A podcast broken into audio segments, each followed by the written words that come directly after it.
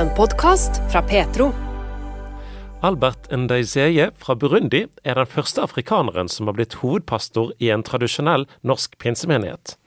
Pastor Albert, som han ofte kaller seg, ble døpt tolv år gammel og begynte sin tjeneste allerede som 13-åring. Han hadde en vanskelig oppvekst, og da han kom til Norge var det som politisk flyktning. Men han hadde òg med seg en stor takknemlighet til norske misjonærer som brakte kristen tro til hjemlandet hans. Mitt etternavn det er Ndayizeye, eh, som betyr å tro på Gud. Ah. Så du kommer fra Burundi, du, Albert? Jeg kommer opprinnelig fra Burundi, men uh, når folk eh, spør meg sånn Jeg pleier å si at vi alle sammen er fra himmelen, først og fremst. Så gjennom Burundi, da. Da, ble, da kom jeg til verden, fordi mine foreldre var fra Burundi. Mm, ja.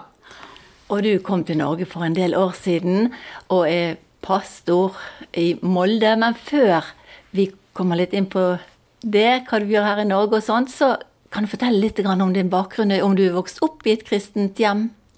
Ja, eh, jeg kan ikke si at jeg vokste opp i et kristent hjem. Min, mine foreldre de var bare for de, for de ikke aktive troende. Eh, Det var som kanskje de fleste som gikk eh, i kirka på jul, påske, sånne store dager. Eh, Men min onkel var pastoren. Det er virkelig på en måte den gjennom det at jeg lengtet å ha det livet jeg så virkelig han hadde, på en måte. Det ble en inspirasjon da, som fikk meg til å søke Gud når jeg opplevde mye vanskeligheter i livet. Og så tenkte jeg ok, hvis virkelig Gud fins, jeg kan også oppleve å leve som min onkel levde. Selv om direkte han var ikke den som fikk meg til å å tro på Gud, men eh, jeg følte at det var viktig i hvert fall å oppleve det han opplever. Eh, så slik at jeg kan oppleve at Gud er en Gud som gir livet. Eh, Gud er en Gud som gir mening med livet. At eh, troen er ikke bare teorien, men troen det er sant historie, og det er virkelig Det innebærer en kraft som frigjører, og en kraft som skaper, en kraft som forvandler. Ja, men før du kom så langt til at du ropte på Jesus eh, virkelig i nød Du, du mistet din mor veldig tidlig. Eh, Jeg mistet min mor veldig tidlig i livet. Eh, Ja, noe som eh, Menneskelig sett, jeg kan virkelig si at ok, hvorfor? Eh, Da hadde jeg virkelig en tro full av mange hvorfor-spørsmål. Men eh, samtidig i dag ser jeg at eh, det å miste virkelig min mor tidlig eh, fikk meg til å bli den jeg er, fordi jeg måtte søke Gud. Og jeg måtte virkelig på en måte lære ut av det jeg går igjennom, for at eh, jeg kan bli den jeg er. Og jeg er helt sikker på at jeg lærte noe i livet som jeg hadde ikke kanskje lært hvis mammaen min levde, for jeg måtte lære gjennom vanskeligheter. Eh, og i stedet bare tenke ok, nå jeg har en grunn til å ha det vanskelig, jeg har en grunn til eh, eh, å vite at livet er vanskelig, jeg har en grunn til å vite at, at eh, om det går galt, så jeg må unnskylde meg. Jeg tenkte at i stedet jeg må virkelig lære gjennom det jeg går igjennom for at eh, jeg kan da ut av det som er vanskelig, lære noe som kan styrke meg, og kan utvikle den indre styrken som gjør jeg kan takle eh, måte hverdagen med mot og motivasjon og styrke for å takle hverdagens utfordringer. For de var veldig store, forstår jeg, de utfordringene. Du, du ble både slått, du ble fortalt masse stygge ting og i oppveksten. Ja, jeg opplevde virkelig det. Jeg opplevde å høre mye stygge ting og bli fortalt mye eh, virkelig eh, eh, kommentarer som skulle påvirke meg eh, negativt. Eh, og som har kanskje påvirket meg litt negativt i begynnelsen.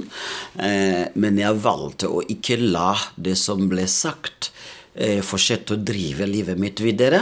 Og fortsette å ødelegge for meg videre, og fortsette å definere fremtida mi eh, videre.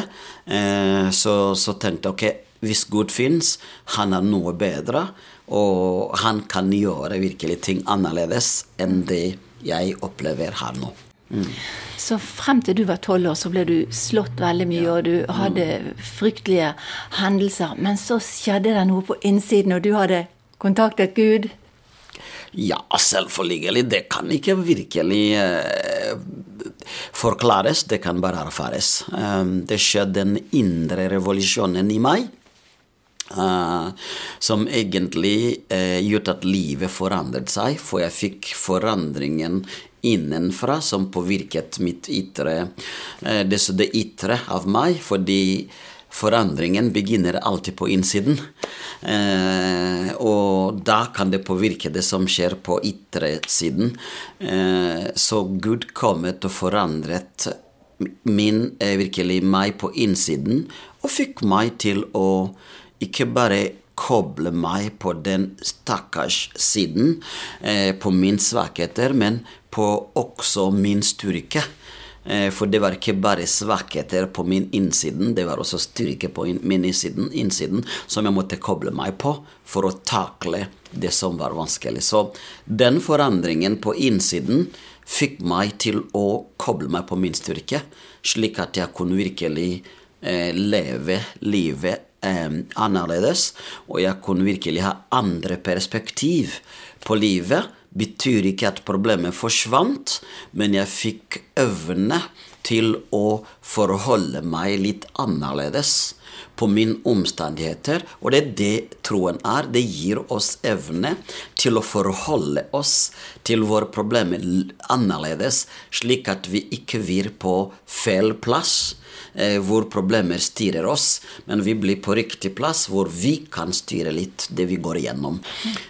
Men som tolv år gammel gutt, det er jo ikke lett å finne den styrken. Men var det etter at du hadde bedt helt konkret altså, til Gud, at, at han viste deg eh, den indre styrken din på en helt ny måte? Ja, det er det jeg sier, at ting med Gud er litt, uh, litt merkelig, da, hvis jeg kan bruke det ordet. Uh, som mennesker vi vil gjerne virkelig å, å, vite litt mer, for vi kan virkelig handle på det.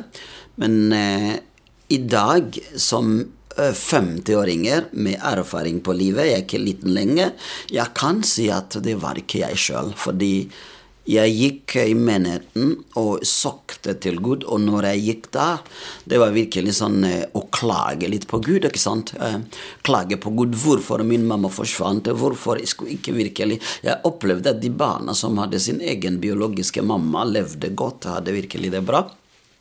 Uh, og så tenkte jeg ok, hvis mammaen min levde, jeg hadde ikke opplevd det jeg opplever her. Ingenting tilsier det hadde vært det. Uh, så men i min egen verden jeg var, ok, jeg går igjennom, jeg går igjennom av at min mamma forsvant, for min mamma døde, osv. Uh, men jeg, det er ingen garanti på at det hadde vært virkelig sånn, selv om alle kan dra med det ideelle, som er at det skal være naturlig. Uh, men jeg sier at uh, etter at jeg gikk da som tolvåring og, og gråt til Gud i menighetsbygget, jeg plutselig tenkte Jeg fikk en lengsel at ting skulle endres. Og så tenkte jeg nei, dette går ikke an. Ting må endres. Hvis Gud finnes, han er noe bedre. Amen. Han, han, må ha virkelig evne til å endre mitt liv, til å gjøre det bedre. Jeg kan ikke leve sånn hele tida. Og så gikk i menighetsbygget eh, alene søkte Gud, eh, ropte til Gud, og så plutselig kjente den kjærligheten. Eh, kjærligheten av Gud som ble virkelig skapte en tryggheten i meg, og som skapte en tro på meg selv. At plutselig tenkte det som var vanskelig plutselig forandret seg. Jeg begynte å se meg på helt annerledes måte. Fordi tidligere jeg definerte meg av mine omstendigheter. Jeg var virkelig like mine omstendigheter. Plutselig begynte jeg å tenke nei, jeg er mye mer enn mine, mine omstendigheter. Og jeg kan virkelig gjøre bedre ut av det. Så hvordan dette skjedde, det kan ikke jeg forklare. Men jeg fikk den virkelig styrken i meg som plutselig fikk meg til å se meg litt med andre identitet eh, enn virkelig å se meg eh, med den identiteten som var at eh, jeg er bare stakkars meg. Eh, men betydde ikke at problemet forsvant, men det ga meg evne til å håndtere det og til å jobbe for at omstendigheter skal forandres. Mm. Men det gikk jo så langt at, eh, at du, du, på det menneskelige plan ville, ville, til å kaste stein på den personen som hadde skadet deg så masse og eh, utøvet så mye vold overfor deg, mm. at, du, at du, du, fant deg ikke i mer. Nå var det nok. Uh, ja, jeg har virkelig følt at det var nok. Jeg hadde en lengsel med at ting skulle endres. Um, ikke fordi virkelig det jeg gikk gjennom, var ikke um, eh, vondt, men jeg følte at jeg kan ikke vinne i å leve i det. Det er jeg som taper. Det blir tap over tap. Eh, og så tenkte jeg ok, i å fortsette å tape, da, da er det bedre at jeg virkelig jobber og endrer. Hadde, det kom inn i meg en lengsel om å få en endring på livet, slik at livet skal få tilbake mening. Og når jeg virkelig tok steiner, det var ikke fordi jeg vil steine henne, men det var virkelig på en måte fordi jeg vil beskytte meg, få henne til å stoppe og, og påføre meg det som jeg har opplevd tidligere. Eh, og på den måten kunne sannheten komme fram. Så frykten som kom i meg, som var i meg, plutselig gikk ut. Amen. Som virkelig Bibelen sier, at kjærligheten driver frykten ut. Så plutselig frykten gikk ut. Eh, og da var virkelig Nei, nok er nok. Ting må forandre seg. Mm. Eh, og det er vanskelig å, å, si. I dag jeg sier det er bare av nåde. Som tolvåringer så jeg jeg kan ikke forklare hvordan det skjedde, men uh, dette er tydeligvis noe som viser at Gud lever. Uh, fordi menneskelig sett, det kan ikke forklares. Uh, men jeg klarte å gjøre det. og i dag, når jeg sitter bak som 50-åringer og så ser 12, med tolv år, tenkte jeg dette går ikke. Dette var ikke av meg sjøl, men det var av Kristus sjøl, som hadde lyst til å frigjøre meg fra omstendigheter og få meg til å leve annerledes. Og den personen som hadde vært så stygg mot deg, kom og søkte hjelp hos deg senere? Ja, det er sant, og jeg var med å hjelpe. Jeg var med å hjelpe, eh, og fordi når jeg jeg fikk endring på det. Jeg kjente det virkelig ikke kanskje er hun, eh, men det er en ånd som virkelig virket i henne. Eh, og når jeg måtte virkelig gå videre, så en av måten å gå videre på, det var å tilgi Eh, og, og, så sette det på sida og tenker jeg tilgir. For hvis jeg hadde ikke tilgitt, da hadde ikke jeg gått videre. For da hadde det vært lettere for meg å leve i bitterhet. Og bitterhet vil få meg til å se bak hele tida enn å se fremover. Men når du tilgir, og jeg ba Gud om å gi meg nåden, og så tilgi, slik at jeg kan bli ferdig med det, eh, det kan bli historier som egentlig har påvirket meg, men som ikke er med å definere min fremtiden, og så definere meg fremover. Eh, tilgivelse er virkelig eh, noe som satte hele prosessen eh, om, av å ha ny identitet i meg sjøl eh, i gang. Og det mener jeg at eh, det var ikke en tjeneste jeg gjorde til henne, men det var faktisk en tjeneste som jeg har gjort for meg sjøl, for å, å, endelig bli fri i livet, og så gå videre som et, virkelig en fri person, og som et fri menneske, som Jesus gjorde meg. Oi, Gud gjorde jo virkelig et verk der. For allerede når du var 13 år, så holdt du den første preken. Talte for Gud. Ja, det er virkelig merkelig å se hvordan Gud kan virke. Eh, av allerede 13 år, det var virkelig da jeg holdt det første preken. Og jeg har vært eh, virkelig en predikant siden da.